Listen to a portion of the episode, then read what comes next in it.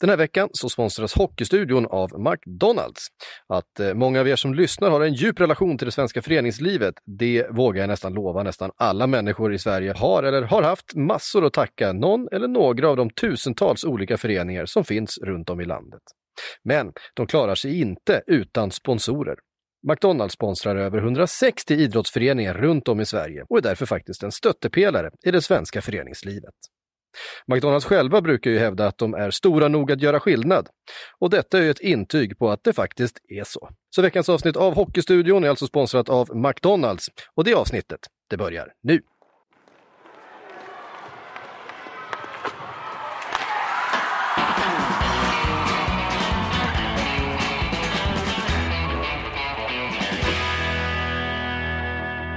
Då är det måndag igen, inte i vår poddstudio utan eh, i respektive hem i Gävle och i Stockholm. Jag och min underbara kollega Hans Abrahamsson ska bjuda på en måndagspodd. Och ja, jag sa väl det redan förra veckan men, men eh, jag säger det med samma eftertryck. Hur mår du?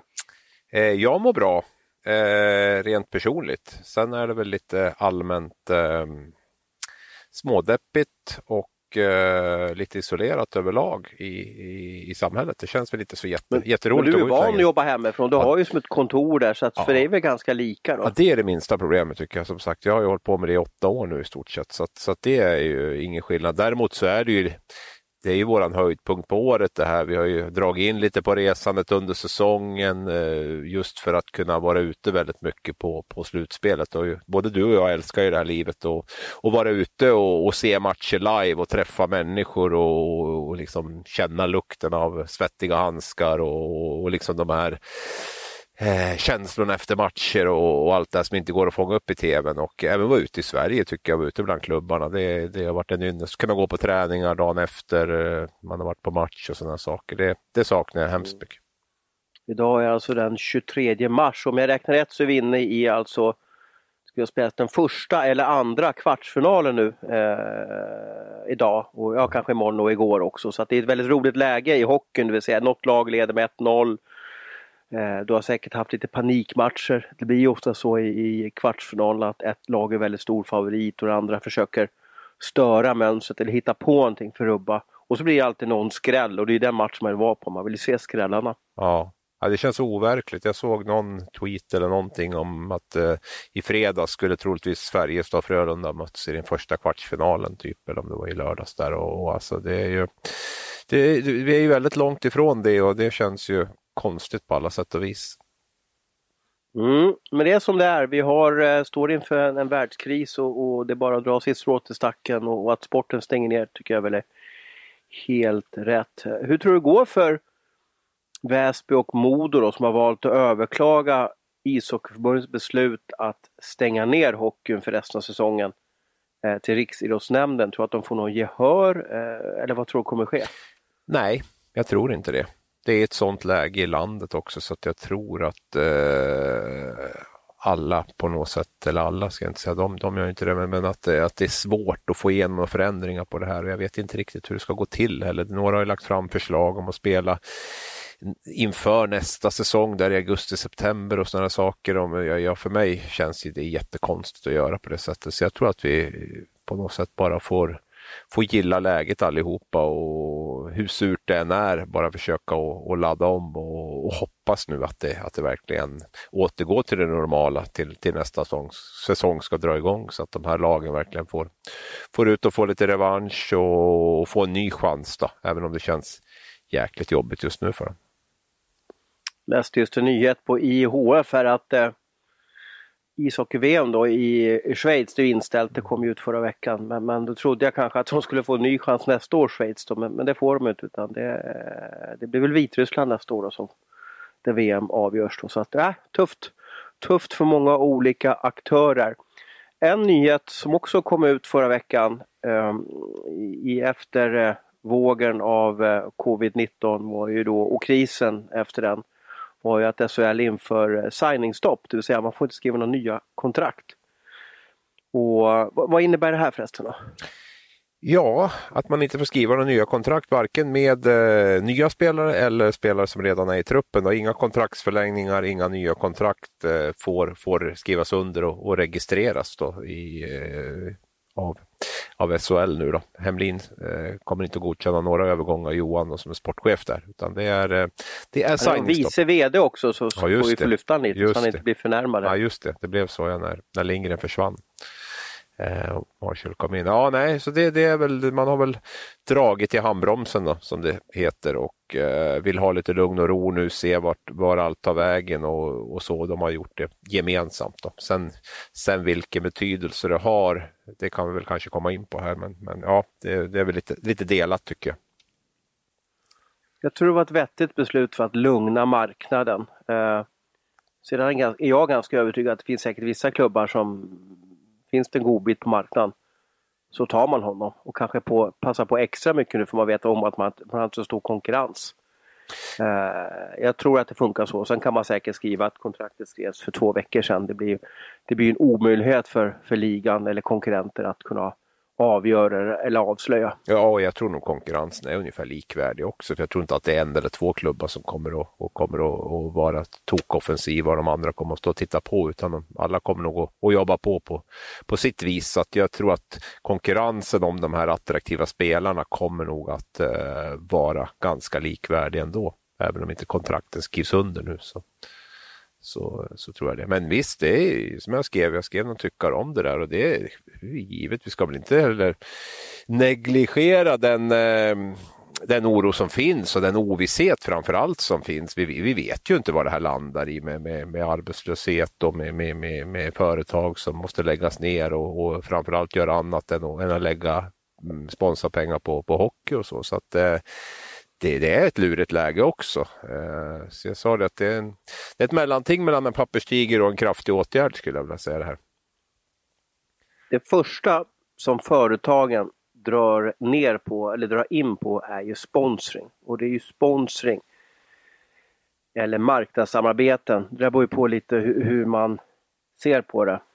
Eh, det är ju det man, man som, som företagare, oavsett om man är stor företagare eller liten företagare, det första man drar ner på när det blir kris så är det att stötta eh, idrottslivet. För det kan ju ses som kanske inte så jättenyttigt och det är en väldigt snabb åtgärd och det, det drabbar ju SHL, Hockeyallsvenskan, eh, Hockeyettan, ja varenda ett ungdomslag som håller på med ishockey drabbas ju av det här. Det blir helt omöjligt för dem att nu gå ut och försöka förlänga avtal, skriva nya avtal och så vidare. För det finns in, kan inte finnas många företagare som vill dra på sig extra kostnader just nu. Det måste vara hål i huvudet. Ja. Och jag uppskattar efter lite samtal på morgonen här att de flesta SHL-klubbar kommer dra ner ungefär 6 miljoner på sin lönebudget kommande säsong. Och vad kan det vara? Två toppspelare, ska vi säga så? Ja, eller om man plockar det på tre eller fyra breddspelare kanske istället. Det jag tror kanske att det är den kategorin spelare som kommer att få det tuffast eh, framöver. Jag tror de som ligger... Du menar tre, tredje kedjan Ja, alltså, som har legat ja. på kanske 110 000? Ja, någonting. exakt. Spelat ganska många år i SHL, kommit upp på en lön på en 100-110 000. Där, där tror jag att eh, klubbarna kommer att skära. Jag tror fortfarande att man Jo, kommer... Jocke Rodin, Niklas Bergfors, eh, Valkve Olsen, är det sådana spelare du Ja, pratar om? Niklas Lundgren, eh, Jakob Blomqvist. Eh, det finns ett gäng, ja, den typen av spelare.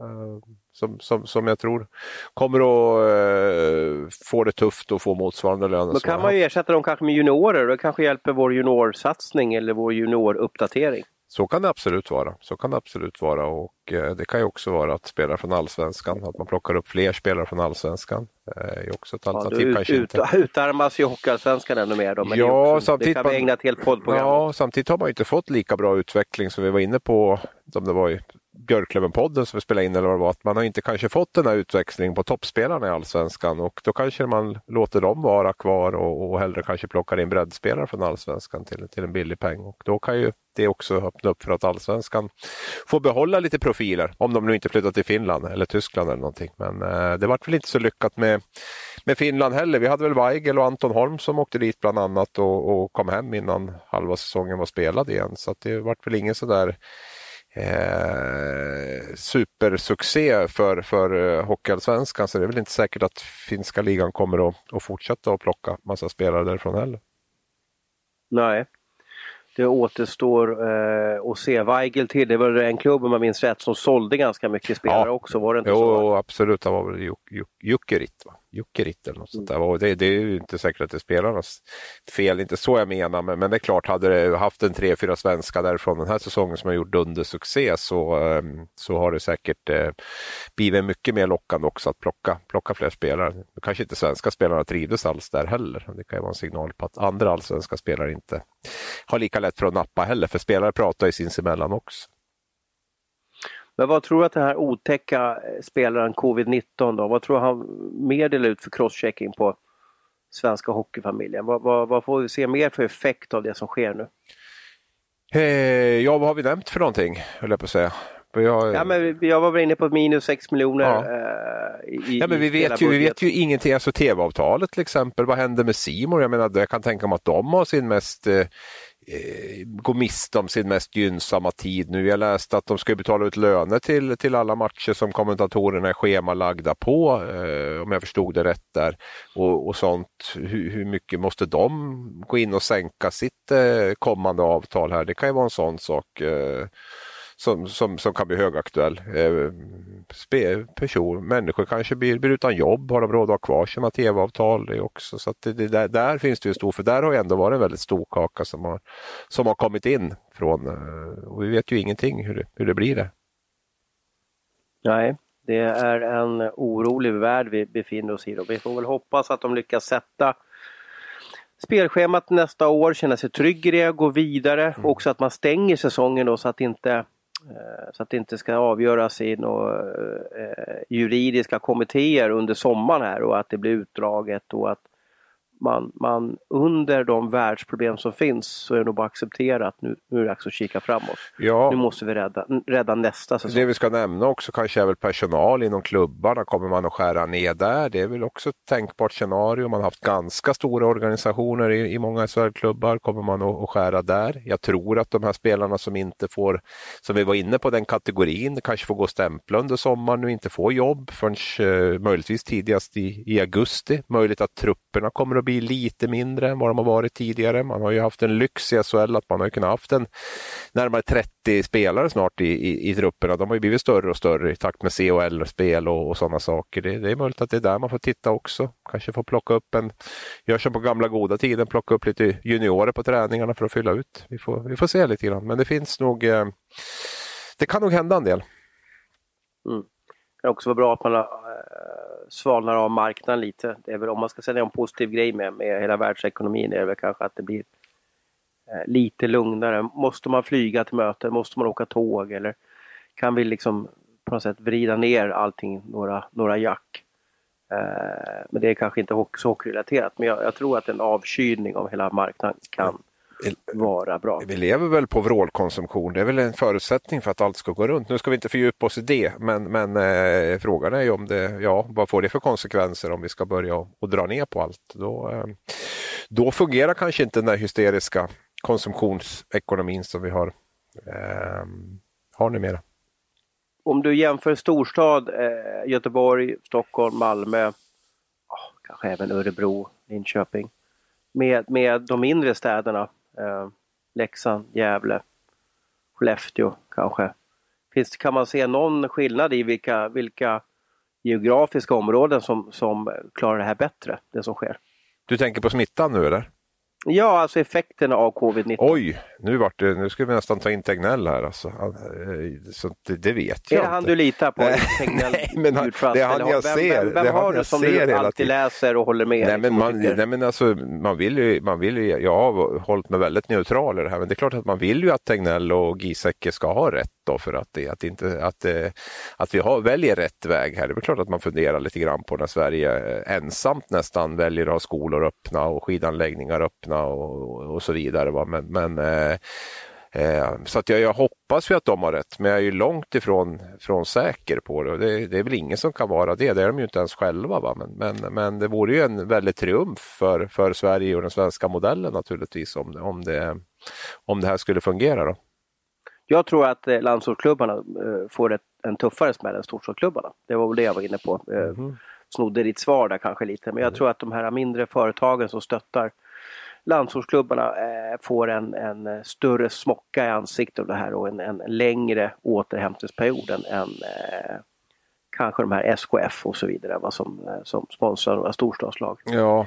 Det, det är vad jag, vad jag tror, att jag kan se någon, någon typ av geografisk skillnad. Att, att eh, de mindre klubbarna får, får nog en eh, tuffare smäll. Eh, sedan kanske, å andra sidan, Oskarshamn hörde jag eh, skulle ha eh, nästan utökat sin spelarbudget till nästa säsong. Men de hade väldigt låg förra säsongen och så får de ju slipper de betala ut 6 miljoner kronor i den här så kallade fallskärmen då till eh, ja, de betalade ut den till Timrå för, för ett år sedan. Ja. De får ju 6 miljoner mer där direkt. Ja. Och sen kunde de väl mobilisera lite så att de kunde faktiskt utöka spelarbudgeten till nästa år. Ja, de gick in i den här säsongen med 28 miljoner vilket är väldigt lågt. Då. Ehm, jag hörde som är än, ännu lägre men, ja, men vi kan gå på 28. 28 var väl det han sa i alla fall på det här mötet inför säsongen, deras klubbchef där. Ehm, men sen utökar de den rejält. Jag skulle väl tro att de ja, jag tänkte säga 10 miljoner till, men det säger de själva att så mycket är det inte alls. Men en 5-6 miljoner till blev det säkert med alla, alla förändringar ja, man gjorde. 38, då, är, då, då pratar vi jag tror inte, jag tror inte att du är uppe där. Då har vi riktiga sälbudgeter. Ja, men vi säger att 5-6 då i alla fall, med alla de förändringar de gjorde har jag jättesvårt att se att det skulle vara något, något mindre än 5-6 miljoner till i alla fall. Så de kanske har legat på 34 då, någonting, skulle jag tro, den här säsongen. Mm. Det återstår att se. Det blir ganska mycket ekonomi, ekonomijournalistik här, ekonomihockeyjournalistik den här tiden. Eh, kanske tråkigt det för både lyssnarna och läsarna, jag vet inte. Men det har varit mycket snack om permitteringar. Kan man permittera spelare eller kan man inte göra det och så vidare. Att man kan permittera kanslipersonal då. Om en permittering så innebär det att en arbetsgivare kan säga upp eh, sina anställda och så får man stöd från staten eh, under en eh, övergångsperiod för att inte behöva säga upp personalen, att inte bli av med värden i personalen. Då. Eh, och här diskuteras det om spelare kan permitteras eller inte. Då. Eh, och vi har väl sett båda artiklarna i, i, vår, i vårt husorgan här senaste veckan. Så vi får se vad det här mynnar ut i. Men vi måste prata sport, eller hur? Vi kan inte bara sitta och prata om en, en, en en bakterie från en fladdermus på en marknad i, i Wuhan, eller hur? Nej, det är väl inte det vi är bäst på heller. Nu ska jag inte säga att vi är jättebra Nej. på hockey heller, men vi är i alla fall lite bättre på hockey än vad vi är på, än vi är på eh, corona. Jag har inte ens lärt mig namnet på den där bakterien som du kan uttala. Covid-19. Covid-19, precis. Ja. Där, är vi, där, där är vi jättedåliga. Framförallt också kanske ekonomi är vi också dåliga på. Så nej, vi, vi, vi håller oss till sporten nu tycker jag. Och eh, förra veckan så satt jag och fyllde i en lista här. Hoppas jag får avslöja det här så jag inte sabbar någonting. Då kanske jag liksom blir, blir någon som blir eh, förbannad på mig. Men, men, men SHL utser ju eh, sin awards eh, varje år. Alltså bäste tränare, bäste målvakt, bäste back, bäste forward, bäste rookie, bäste MVP och sen brukar de ju ha lite slutspelspriser men de blir ju väldigt svåra att ta ut den här säsongen. Och jag tänkte att ja, det här kan ju vara lite kul att diskutera men då, bara för att jag inte avslöjar exakt hur jag röstar så kan jag väl säga att ja, men vi, vi, vi gör Hockeystudions Awards 2020 då, och bara liksom snor en mall här. Är, är det okej okay, Abris? Ja, ja, ja, jag är med på allt, det ja. vet du. Och vem har du som eh, SHLs bästa tränare 2020. Hoppas vi inte har samma nu så att det blir liksom lite dynamik. Ja, risken är väl stor. Jag, jag har vridit och vänt på det här eh, flera gånger och jag skulle ju gärna vilja lyfta fram Niklas Eriksson och Cam Abbott som jag tycker har gjort ett eh, jättebra jobb med sina respektive manskap. Men, men för mig, det blir omöjligt att komma runt Thomas Berglund. Jag vet inte vad han ska göra för att få priset om han inte får det i år. Så att eh, ja, mitt namn är Thomas Berglund, Luleå. Mm. Jag har ju samma. Jag valde mellan han och Niklas. Eh, Niklas Eriksson i Örebro. Men de hade ju ett svagare 2020 upplever jag Örebro. Så att då är det svårt att låta honom gå förbi Bulan. Eh, och jag kan tycka att de har ganska snarlika lag. Det är inte så att något lag har, de här är så här riktigt dream team av dem. Men de har ju bra lag så man ska kräva mycket av dem. Eh, Örebro såg man ju liksom som ett lag som skulle komma sexa, sjua eller åtta. Eller vet, vad hade du Örebro? Ja, jag hade ju... dem elva, tolva någonting. Linköping. Oj, oj, oj, oj. Oj, oj, och det var jag inte ensam om kan jag säga. Så att om du hade dem sexa, sjua då hade du nog bland dem som hade dem allra högst upp. Jag ja, jag vet. Jag kanske hade dem lite lägre. Men, men, men, men visst, de har... Jag menar när man såg hur bra Fudge var och när man såg hur, hur Bromé liksom gick från att tillhöra ett bottenlag i SHL i Mora till att leverera och bli bli landslagsspelare så, så växte ju många spelare i laget och det är väl mycket tack vare Niklas. Men sen tycker jag igen att de hade inte lika bra 2020 och då, då blir det omöjligt att gå förbi gå förbi Bulan. Då. Målvakt och bäste målvakt, oh, hoppas vi inte är sams här. Det är stor risk för det. Mm. Uh, är det där namnet som är omöjligt att stava? Man måste nej, dubbelkolla nej, hela tiden. Men det var väl bra då. Då har vi inte ja, samma. Ja. Nej, jag har nej. faktiskt, jag, jag, valde mellan, mellan tre kan man väl säga där och eh, valet föll till slut på Gustav Lindvall. Eh, mycket på grund av hans ingångsvärde i säsongen. Eh, frågasatt, väldigt ifrågasatt om det skulle räcka som första målvakt. Eh, också att Skellefteå gick bättre än vad jag hade tänkt mig i tabellen och en stor del i det var ju Gustav Lindvalls målvaktsspel. Han var ju snudd på omöjlig att göra mål på. Landa på 93-52 i räddningsprocent. Han har 24 segrar på 36 matcher nej, jag, jag, jag har svårt att gå runt honom. Eh, så jag säger Gustav Han Lindvall. Han var ju delaktig i den här, eh, jag har han på en tredje plats kan jag berätta då. Eh, han var ju delaktig i den här streaken som Skellefteå hade. Hur många matcher kom de upp i till slut där? Ja, jag har glömt bort det nu Thomas. Jag vet inte vad det var. Vad var det för ja, det, var det var en jättestreak de ja. hade med, med, där de gick som en 10, raket i serien. eller någonting. Där det var ja, i alla fall de gick som en raket där och blev, blev ett topplag till slut. Mm. Och, och, då stämde ju allt och då fick de ihop det med Lindvall i, i mål där och Manta som man kanske trodde skulle bli första målvakt. Jag, jag minns ju honom sin Djurgården och jag tyckte han var helt fantastisk där. Men, men eh, det vart ju Lindvall som, som petade bort Mantas eh, rejält. Och Mantas måste jag bara flika in här. Jag hör alla djurgårdare ute att han är på väg tillbaka till Djurgården. Jag säger inte att det är klart, men jag hör att det kan mycket väl bli så att det blir en reunion i Stockholm. Mantas som beskrivs som kanske en av de snyggaste hockeyspelarna för övrigt. Kanske är på väg tillbaka till Djurgårdsdressen. Ja, det kan bli mumma för många kvinnliga hockeyfans. Svedberg och Mant Attas Armalis där och det känns ju som ett, ett, ett på förhand bra, bra målvaktspar. Vem hade du på andra Nej, platsen? Men det var Lassinantti. Det var Lassinantti. Okay. Ja, och sen hade jag Oskar Alsenfelt som nummer tre då, om man ska ta det där. Okay. Men eh, vi ska väl säga till Mantas försvar att han var ju borta stora delar av hösten på grund av skada. Så att han, eh, en operation i våras där. Så att eh, de hade ju Oskar Östlund in, inlånad ett tag där och så. så att, ja. Men Gustav har varit grym tycker jag. Bäste back? Förresten, jag stannar med Gustav. Eh, tror du att han drar till NHL nu? Nej, det tror jag inte. Okej. Okay. Jag tyckte alltid räckte förut att blir du, mm. blir du SHLs bästa målvakt så vips så drar du till NHL. Ja, jo, nej, men jag undrar om inte han vill göra en riktigt bra säsong. Det är ju hans första säsong som, som första målvakt här nu och ja, jag ska inte säga att det inte, jag ska inte säga att det är omöjligt. Jag tycker nästan alla de här ja, alltså, får förfrågningar. Liksom, jo, det så. får de nog och det är väl möjligt. Han kan väl till och med, till och med skriva och vara kvar ett år. Det, det kan ju vara ett alternativ också. Men, men äh, ja, mitt tips är att han spelar i Skellefteå en säsong till. Jag hörde ett uttryck här från en råbarkad eh, NHL-scout och, och, det kanske beskriver ganska bra hur man ser på, på Lindvall är ju 29 år. Uh, han har ett långtidskontrakt kvar nu med, med, med Skellefteå men han har bevisat att han, han är en bra målvakt och då säger man ju NHL för då, om de skulle skriva kontrakt med honom jag tror att han kan skriva ett ettårigt kontrakt. Inte, vi får säkert massa agenter på oss nu men jag tror att det, han kan skriva ett ettårigt kontrakt. För typ 875 000 dollar. Och då säger de här NHL-klubbarna, de säger liksom det good meat for cheap money. För, förstår vad jag menar med det uttrycket? Oh ja, man får mycket, mycket ja. bang for the buck där. Ja, att de får, om han spelar i NHL, backup, mm. då är det en jättebillig eh, NHL-målvakt. Hamnar han i KHL så blir lönen mycket mindre och då har de en, en okej okay målvakt i, är fel, i AHL. Ja, jag. Spelar AHL, ja, spelar AHL så får han ju en lägre lön och, och, och ja, så tar han en roll. Så det är därför de plockar de här spelarna, för de tycker att det är liksom det är helt perfekt för dem. Mm. Så här är det ju Gustav som måste på något sätt välja. Ska jag åka? Vilken, vilken chans har jag att få en position i det här NHL-laget och ännu värre som målvakt? Du kan ju liksom ha, hamna i Coast var som helst. Då. Men jag tror att det är svårt att säga nej också om det kommer. Han har ju han har ju sån sjuk karriär med, med spelade visserligen någon match i U19-landslaget där men sen är det ju, det är ju det är division 1 och det är allsvenskan och, och, och, ja, det är en väldigt brokig karriär där från honom.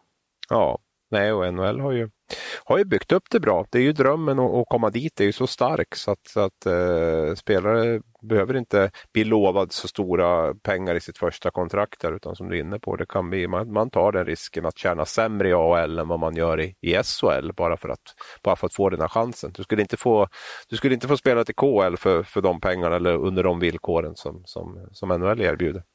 Jag hör ju Detroit går all in på många svenskar där. Så att han kan mycket väl hamna i Grand Rapids nästa säsong då, så kanske får chans att bli uppflyttad någon gång. Vi får se. Vi flyttar över till bäste back. Här brukar vi alltid vara osams med backar, för jag tycker backar är den position A lot can happen in three years, like a chatbot may be your new best friend. But what won't change? Needing health insurance. United Healthcare Tri Term Medical Plans, underwritten by Golden Rule Insurance Company, offer flexible, budget friendly coverage that lasts nearly three years in some states. Learn more at uh1.com. på isen som jag har svårast att bedöma. Vad det beror på det vet jag inte om jag bara kikar på snygga dragningar och, och, och mål och läckra assist och flippassningar. Men backspel har jag svårt att bedöma, det ska jag villigt erkänna. Eh, ja, det kan det väl kanske vara stundtals. Eh, nu lägger man väl oftast det största fokuset på, på, på backar som kan, som kan producera offensivt. Eh, det är ju tufft för en, för en renodlad defensiv back att bli allra bäst. Han kan bli hyllad som värdefull och som eh, betydelsefull och, och en tränares dröm och allt. Men, men att bli, bli bäst, då måste du också leverera rätt bra med poäng. Det tycker jag bland där, är genomgående där. Eh, och ja, den här säsongen har vi väl har det väl aldrig varit så lätt ändå, trots att vi har haft några fina backprestationer eh, en bit ner också i, i, i listan. Men, men nej, för mig är det inget tvivel, är det inget tvivel i alla fall. Nej, och... och det handlar, handlar naturligtvis om Cody Curran då i, i Rögle. Ja, också otrolig karriär där. Pizzakung i, i Getligan i Norge va?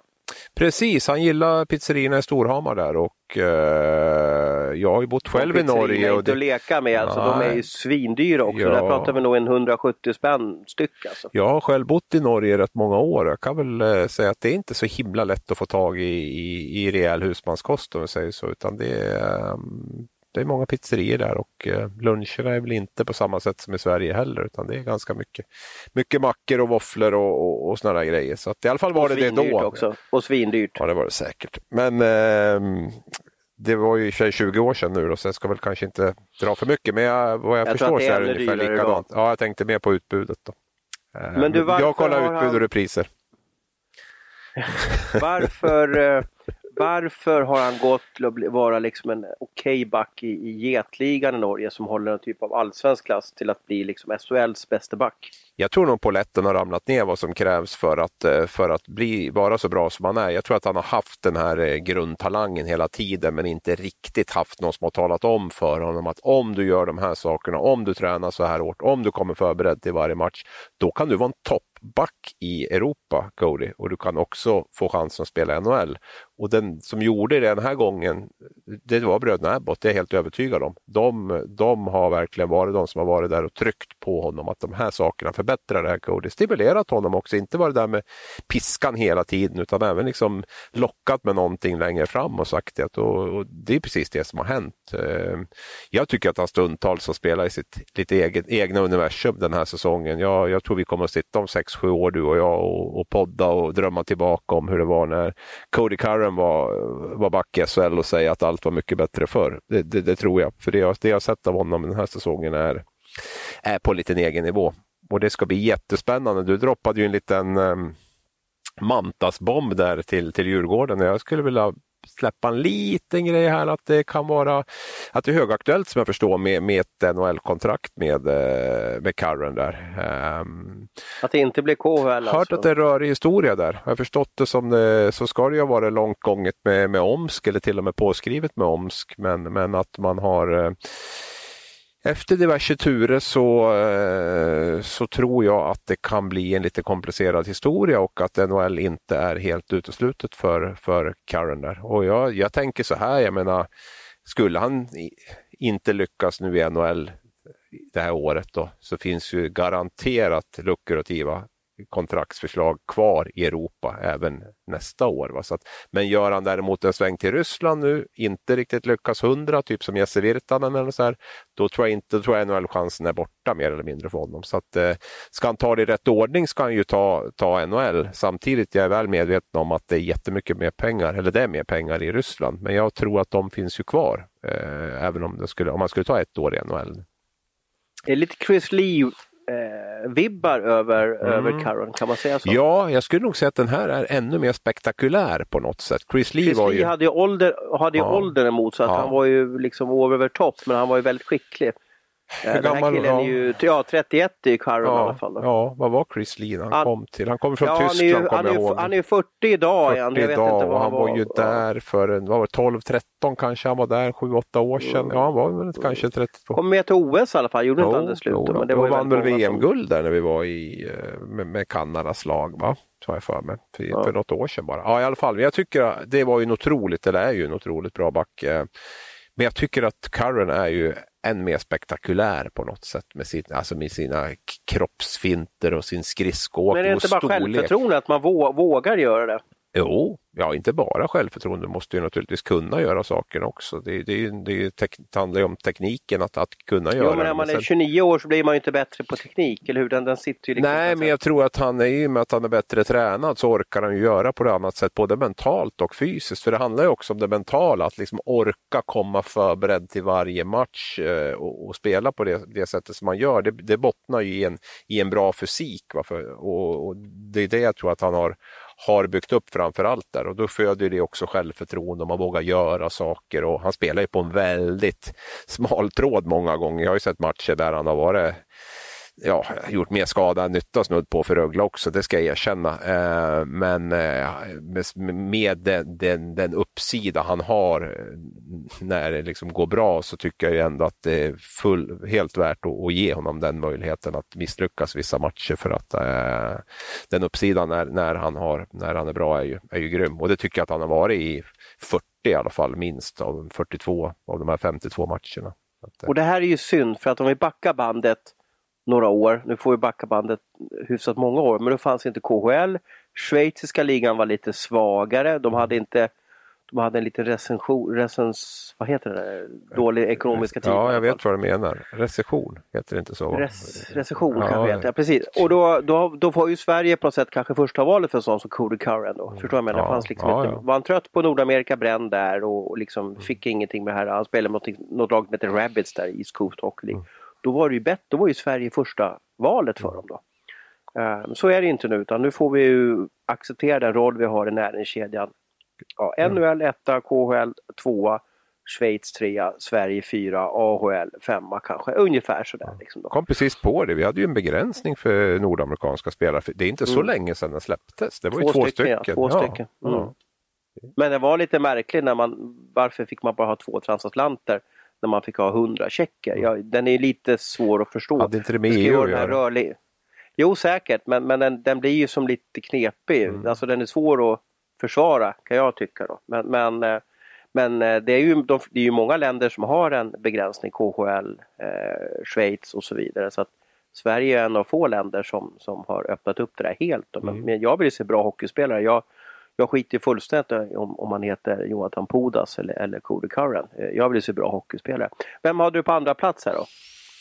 Fanns det någon andra plats? Jo, nej men äh, jag, jag är ju svag för... Ja, jag är ju svag för... Jag är ju svag för... Ja, men jag skulle nog faktiskt kunna... Ja, vi har Erik, vi har ju absolut Nils Lundqvist där. Eh, det, det, det, går inte att, att, komma ifrån honom. Det är ju, det är ju, har ju gjort en helt otrolig säsong. Men du tar väl Erik Gustafsson före Nils Lundqvist? Va? Nej, det gör jag inte. Jag tar Nils Lundqvist. Du, du, gillar inte de där stabila? Jo, jag gillar dem, men jag kan gilla något. Liksom, jag gillar ju det andra ännu mer. Då. Jag gillar ju det andra ännu mer. Jag gillar ju alla okay. backar i hela SHL egentligen, men, men några gillar jag allra mest. Och, äh, men Nils Lundqvist tycker jag helt ärligt. Jag har full respekt för Erik Gustafssons äh, betydelse för Luleå och vad han har betytt och det är väl en av klubbens bästa värvningar eh, någonsin. Det säger ju inte lite. Eh, men den utveckling som Nils Lundqvist har haft den här säsongen och dessutom sätter poängrekord för backar eh, i, i, alltså under, och då ska vi veta att det svenska backundret har ju pågått i tio år nu. Vi har ju fostrat sådana som Erik Karlsson och Rundblad och Viktor Hedman och vad de heter. Så det har ju varit ganska hård konkurrens i poängligan på juniorbackarna. Och han går in och sätter det där och eh, är ju dessutom men blir man inte förblindad av hans ålder att han får lite gratispoäng på att oj han är ung, ja men han är så duktig?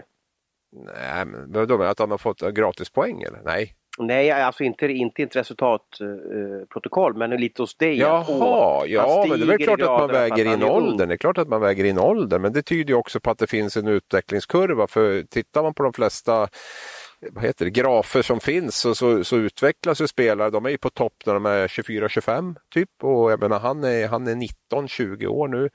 Och det är klart att han, med den utveckling han har haft så, så tyder ju väldigt mycket på att han kommer att bli ännu mycket bättre de här åren som kommer. Ja, att, men nu är ju inte hur, det här är ju ingen lista hur bra de kan bli. Det här nej. är bäste back. Ja, ja, ja, men oavsett och det. Och då tar du Lundqvist som nummer ja, två? Ja, ja absolut. Ja, ja det gör jag. Definitivt. Det gör jag. Ja. Vi rusar eh, vidare till forwards. Eh, vem har du som bästa forward i mm. ligan? Här valde jag mellan tre namn. Uh, vilka tre valde mellan? Ska jag säga vilka jag valde ja, mellan? Då? Jag valde mellan Fredrik Händemark, Marcus Nilsson och Ted Brithén. Uh, Okej, okay, det... du valde mellan Marcus Nilsson, Ryan Lash och Fred Fredrik Händemark. Okej, okay. och det är jättebra. Och uh, det naturliga valet har ju varit Marcus Nilsson såklart. Uh, nu valde jag inte Marcus Nilsson och det kan man ju tycka är lite töntigt av mig. Men jag, jag satte faktiskt Ted Brithén där. Jag är svag för mm. Ted Brithén och jag tycker att hade inte han haft sitt käkbensbrott där i premiären den där olyckliga skottet som träffade rätt i munnen så är jag övertygad om att han hade mm, legat på en 50-55 poäng den här säsongen. Han har ju det högsta poängsnittet av, av alla spelare i, i SHL sett till, till antalet matcher. Han gjorde 37 poäng på 33 matcher vilket är 1,12 i poängsnitt. Jag tycker att han har så mycket mer också än att bara göra poäng. Eh, det eh, finns också en historia där Abbots kom till Rögle så ryckte de kaptensbindeln av honom, vilket jag tror var väldigt tufft. Eh, kommit tillbaka väldigt starkt efter det och jag tycker han betyder otroligt mycket för, för Rögle. Jag tycker han är skicklig i alla, över hela banan. Det är den här gammeldags klassiska. Men tror du han tyckte det var tufft med, med att få, få bort sig? Ja, det var skönt tror, för vissa ja, spelare? Ja, det kan det vara för sett... vissa spelare. Men jag tror, jag, tror att han, jag tror han tyckte det var tufft när de kom faktiskt. Men visst, det kan vara det kan vara skönt för Jag vissa är inte spelare. helt, alltså vi känner honom lite från HV, vi vet mm. att, att han hade det tufft där under Andreas Johansson och, och, jag är inte helt säker på att kanske tycker det är skönt att inte behöva gå i bräschen hela tiden. Nu blev ju Mattias Sjögren om jag minns rätt, lagkapten va? Han var ju lagkapten i år, va? före det var det Craig Shearer som blev, som blev lagkapten. Ja. Förra säsongen var det Craig Shearer som var lagkapten, ja, vill jag minnas. Och Sjögren spelade bara 38 och, matcher. Och Sjögren så. valde man inte ge kaptensrollen bara för att han var, hans kropp var ju sargad och de visste att han skulle nog inte kunna spela hela säsongen och då ville de fokusera på att bli hel och frisk i första hand, inte vara lagkapten och leda här utan eh, det, det tar vi sen om det, om det, om det blir om du blir fräsch. Och, um, mm. Eh. Jag tog och gjorde det enkelt för mig eh, mm. med tanke på din utläggning. Där. Så jag körde Marcus Nilsson då. Ehm, och eh, jag såg han en match, en bortamatch. Färjestad hade tio spelare borta och han bar det där Färjestadlaget och han hade sånt självförtroende i sina flippassningar och, och sådär. Jag, då kände jag bara att han, han är ju, det är ju liksom Fredrik Linkan Bremberg-klass på mm. honom att leda offensiven. Så att den matchen jag såg innan han var som ett monster, det, det avgjorde för mig att det här med jag, jag, jag, tar honom. Jag, jag, jag tycker att han, han, han är min person. Det jag gillar med Brithén, om jag ska vara helt ärlig, som gör han så oerhört nyttig, är att han, han, han, lyft, han är en av få spelare som kan göra en, en kedja bättre. Stoppa in Brithén, alla som spelar runt honom blir bättre. Det är jag fascinerad av. Han spelade väl med eh, Sar och Bristedt, var det korrekt? E eller? Everberg i år, var Bristedt förra året. Ja, det så, mm, ja precis. Var... Och jag känner ju att vilken utveckling de har fått också liksom med, med, med honom där som ett lok där i mitten. Ja. Så det är inte roliga tapp för, för Rögle med, med Karren och Brithén. Alltså det är inte roligt för dem. Alltså. Nej, det, det blir tungt. Men jag har varit inne på det tidigare. Jag tror att, eh, jag tror att Abbots kommer att, fixa det där. Men det kommer bli tufft. Ja. Precis, precis. Eh, årets rookie då. Eh, och här ska man ju måste man nästan tjuvläsa lite. Vad är en rookie för dig för övrigt då? Vi behöver ju inte liksom gå på vad SHL säger då, men de har ju att det måste vara en, en en eh, svensk spelare om jag minns rätt där och så vidare. Så att årets rookie kan man ju diskutera vad, vilka Ja. premisser Det är är, det ska gå under. det är svårt det där, men jag, jag kan väl vara lite fundersam på åldern. 25 år tror jag det är SHL när säsongen startar som, som är gränsen. Eh, jag kan väl också tycka man får inte spela mer än 30 matcher i högsta ligan vill jag minnas. Va? Och, men däremot finns det ingen begränsning mot exempelvis allsvenskan. Och där kan du ha gjort fem säsonger med 50 poäng och, och, och sen komma upp då och bli årets rookie i SHL. Och det är väl lite lite skeptisk till faktiskt, samtidigt som jag, att jag förstår att det inte är helt lätt att sätta de där kriterierna. För att vi, vi, vi tycker också att det är roligt om det kommer någon Fabian Brunström eller något sånt där från division 1 och, och är jättebra så ska väl han ha möjlighet att kunna vara årets rookie, absolut. Eller som Emil Bemström i fjol, det var väl en ja, men han var ju ung. Alltså han var ju, det var jo, ju men det är ju junior. ändå en... Jo, när man blev ju årets rookie blev Ja, ju det är ju den här åldern och det här att man kan ha spelat många säsonger i allsvenskan som jag är lite tveksam till om, om det ska, om det ska, liksom, om det ska godkännas som en rookie. Och det kommer vi väl kanske komma in på här nu när vi börjar prata kandidater. Så kan jag väl... Ja, men vem tog du då? Jag, jag kan väl slänga första scenen så tog jag Jesper Fredén som årets rookie. Mm. Jag tyckte ha- han är en av dem som har eh, producerat och eh, gjort en bra resa, lyckats finna, in, finna ro och, och vara duktig för att komma från Allsvenskan till, eh, till högsta serien. Så han blev min nummer ett. Det här var också en kategori som jag tyckte var jättesvårt att värdera. Just det här med ålder och så vidare. Var ju Holtz, Raymond och så vidare. Och, och om jag har förstått rätt så kunde man inte ens välja Nils Lundqvist i det här så att säga. För att han spelade ju ordinarie Mm. Förra i säsongen, ja 30 matcher Ja. är väl max. Så att han finns inte och då med. vet jag inte vad det var för gräns. Det kan ju vara att han har spelat en match mindre och, och var eligible då, eller alltså kunna bli vald här. Och då kanske många hade valt honom på grund av hans fantastiska statistik då. Ja. Nej, men, Men vem har du som årets Ja? Vi alltså vi börjar titta på det. Nej, det alla- behöver vi inte göra. Så det jag vill säga är väl att eh, tittar man poängligan rakt av så är det Jesper Fredén eh, som har gjort en jättebra debutsäsong i ESL. Jag väljer bort honom på grund av det jag var inne på. Jag tycker att han, han har gjort en 30-40 poäng i AIK i fem säsonger i rad. Han är 25 år nu.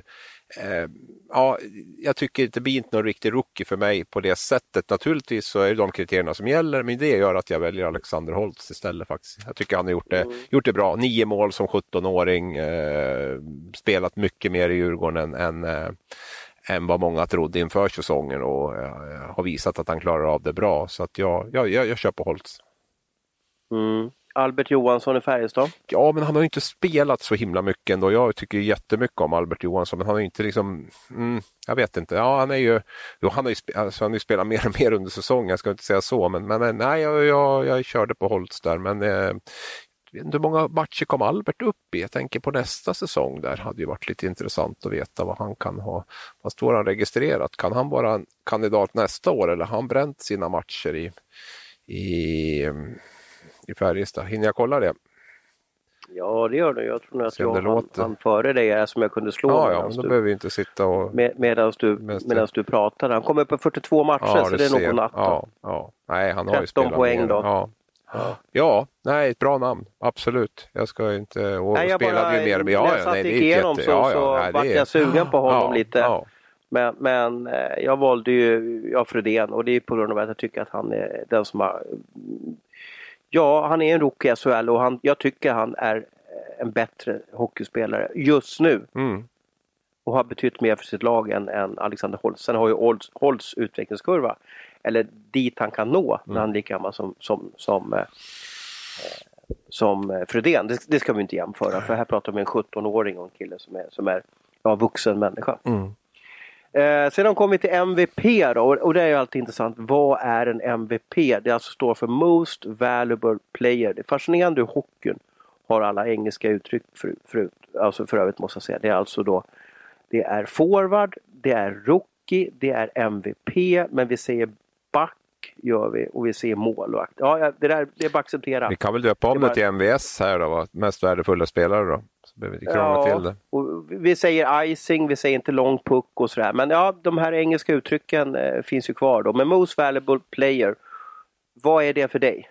Den enskilda spelare som har betytt mest för sitt lag. Blev det flummigt? Ja, och det innebär ju att det egentligen inte behöver vara någon som, som finns med i de andra kategorierna. För, för det kan vara att just för sitt lag så betyder den här spelaren extremt mycket. Men, men Vem tog du som nummer ett där då? Jag tog Fredrik Händemark. Björbos stolthet. Ja, Mm. det är han och Olle Liss som bär upp, bär upp Björbofanan där. En, en fascinerande liten hockeykommun i, i västra Dalarna.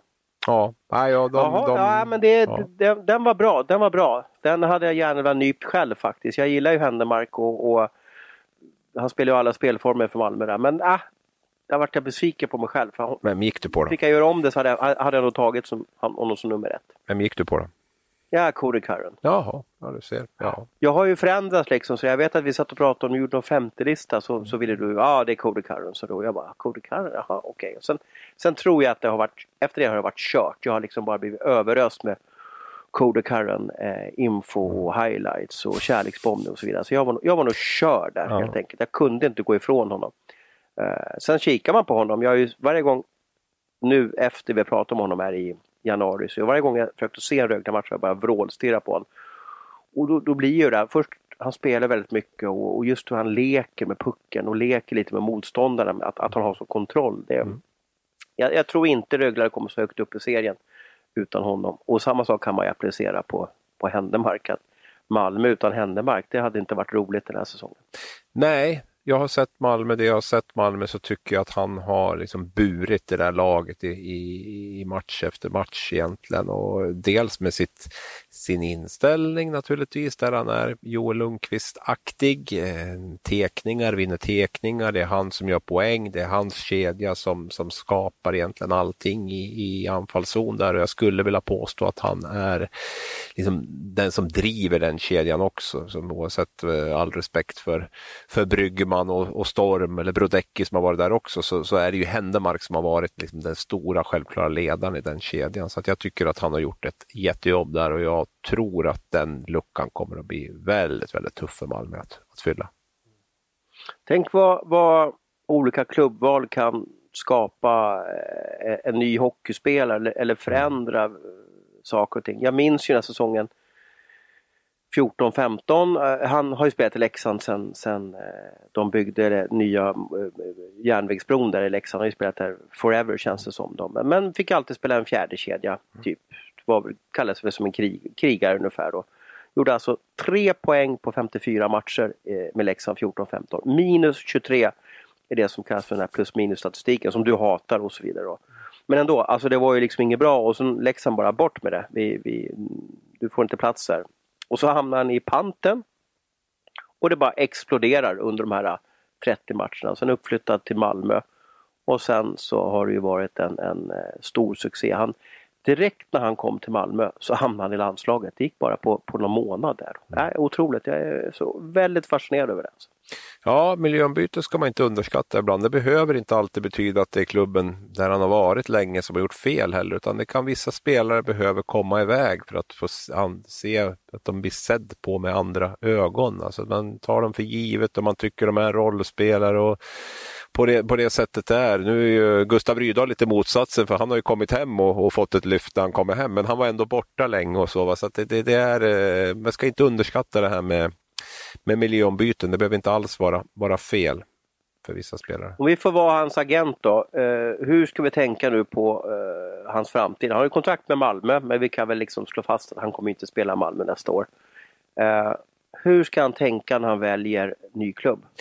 Ja, men jag, jag, jag är jättedålig faktiskt på, på vad NHL-lagen eh, behöver. Här skulle vi ha bollat in Ekeliv och Bjurman nästan, alltså som i detalj skulle kunna sätta det här. Va? Men, men eh, jag kan inte ge något jättebra råd. Har du något, har du något att komma med där? Som, Detroit har ju nämnt, så han har ju Detroit som sin favoritklubb. Jag pratade med honom om det efter en match i Leksand där och det, det gillar han ju. Det är ett lag på dekis.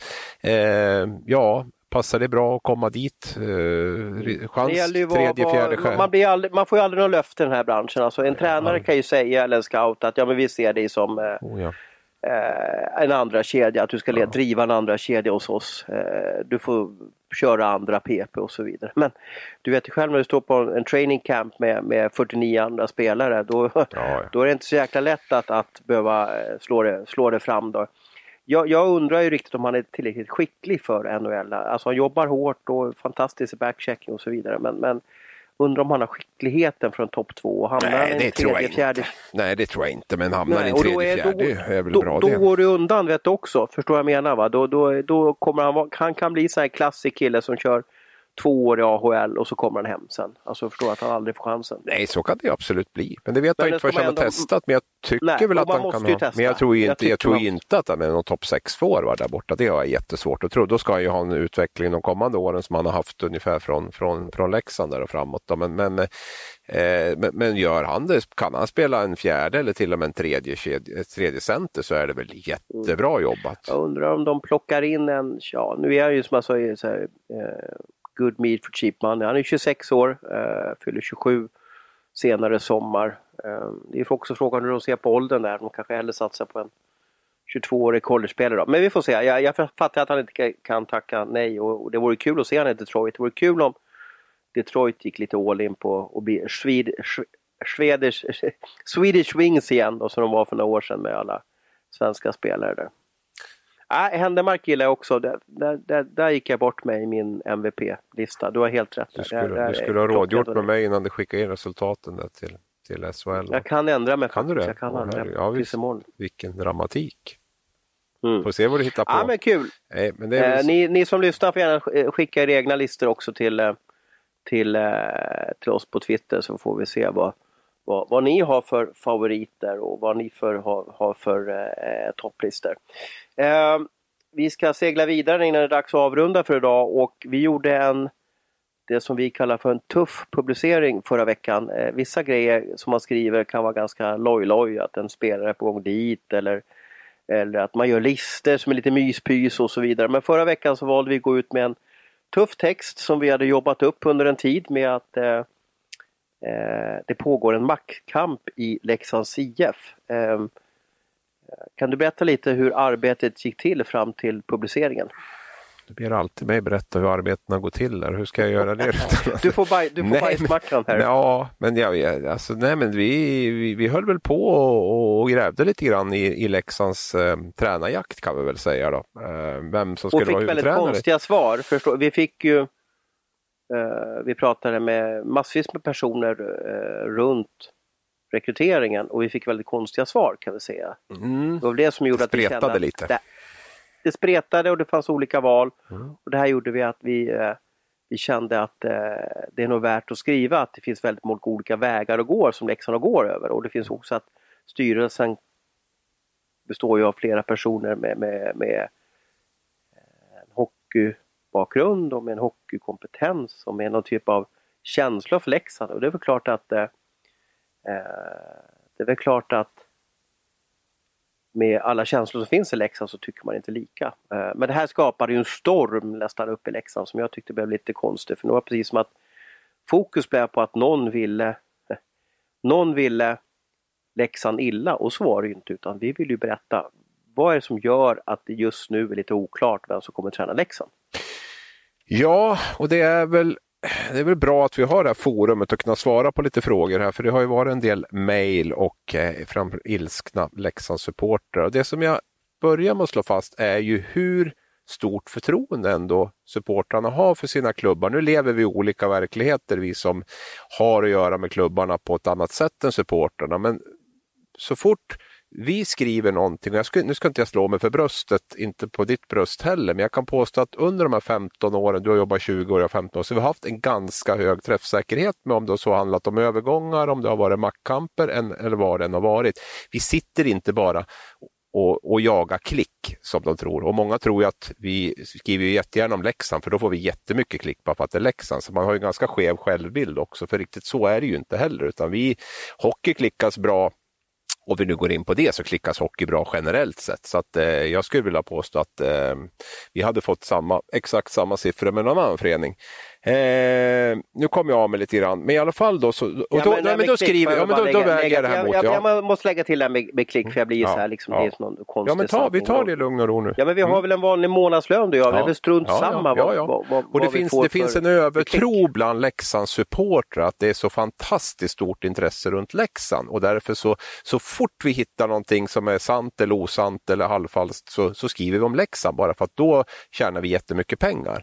Och det, det finns ju ingenting i det. Sen är det vissa lag som berör mer än andra, så kan det väl vara att det kanske Leksand berör mer än vad Växjö Lakers gör. så eh, bland våra läsare. Men det är inte så att det, det är någon gigantisk skillnad mellan Leksand och säg Djurgården, Färjestad, HV, Brynäs, Luleå. Utan eh, det kan jag lugna er med alla Leksandssupportrar att det här handlar inte om att vi hittar på grejer för att vi ska få jättemycket klick.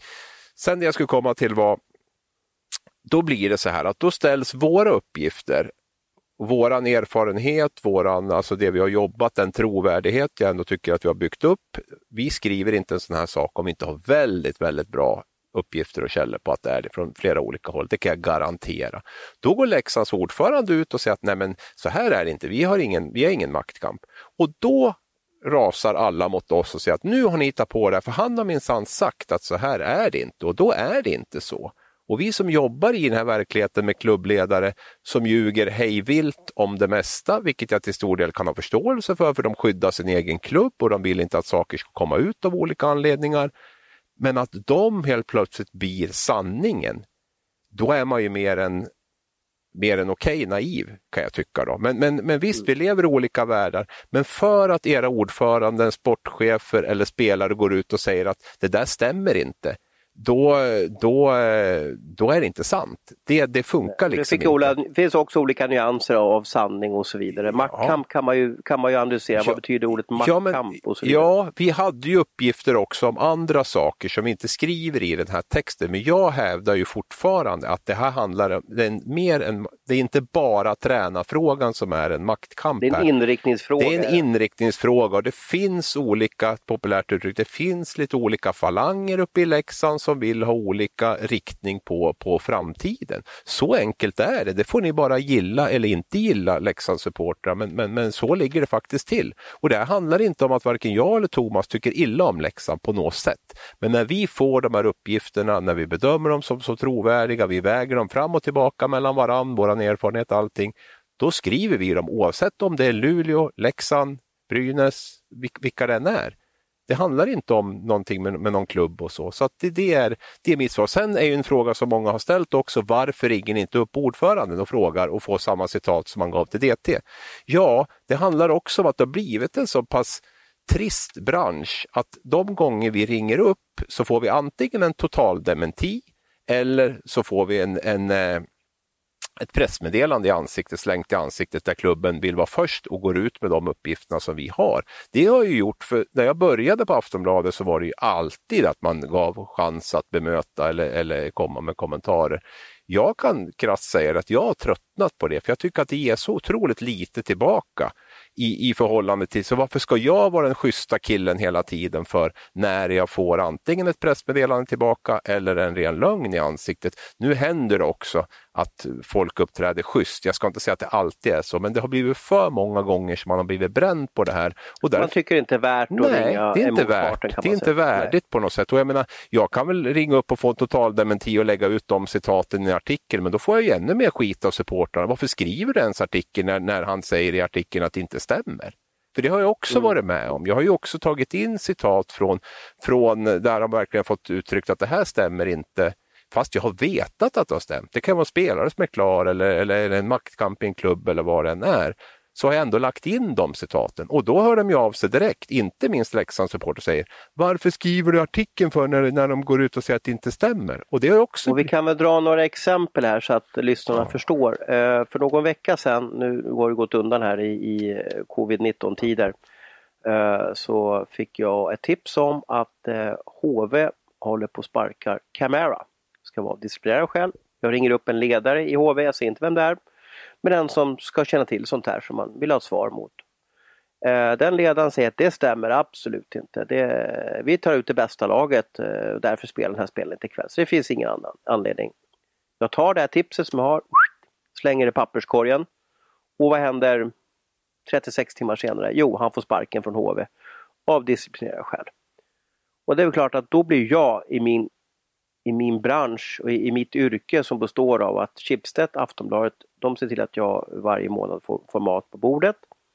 Um, då måste jag ju på något sätt göra min roll och då har jag liksom torskat den matchen. Jag var mm. inte tillräckligt duktig på att läsa igenom, eh, syna honom eller jaga vidare utan jag tog hans kommentar som sanning och slängde det där tipset i papperskorgen. Men, men han, den här personen talade ju inte sanning för mig. Nej, och det har ju också blivit, om vi nu är inne i podden så kan vi ta ett färskt exempel med Andreas Dackell, Brynäs sportdirektör som satt två dagar innan de skulle presentera och blånekade totalt att han var aktuell för rollen som sportdirektör. Hur vi än vände och vred på fråge, frågebeskrivningen så, så, så gjorde han inte det. Och, och jag kan ju förstå, jag säger det, jag kan förstå att man gör på det sättet. Inte just hans fall, han hade kunnat sagt att vi ska utse honom om två dagar, jag tänker inte kommentera någonting överhuvudtaget om någon namn, det hade han kunnat sagt. Men klubbarna har ju ett intresse av att sanningen inte ska komma fram. Och vårt intresse sanningen ligger att... ska komma fram, men vid rätt tillfälle. Ja, ja, ja, eller inte alls då. Om det handlar om intriger och sånt så vill de väl helst inte att det ska komma ut alls.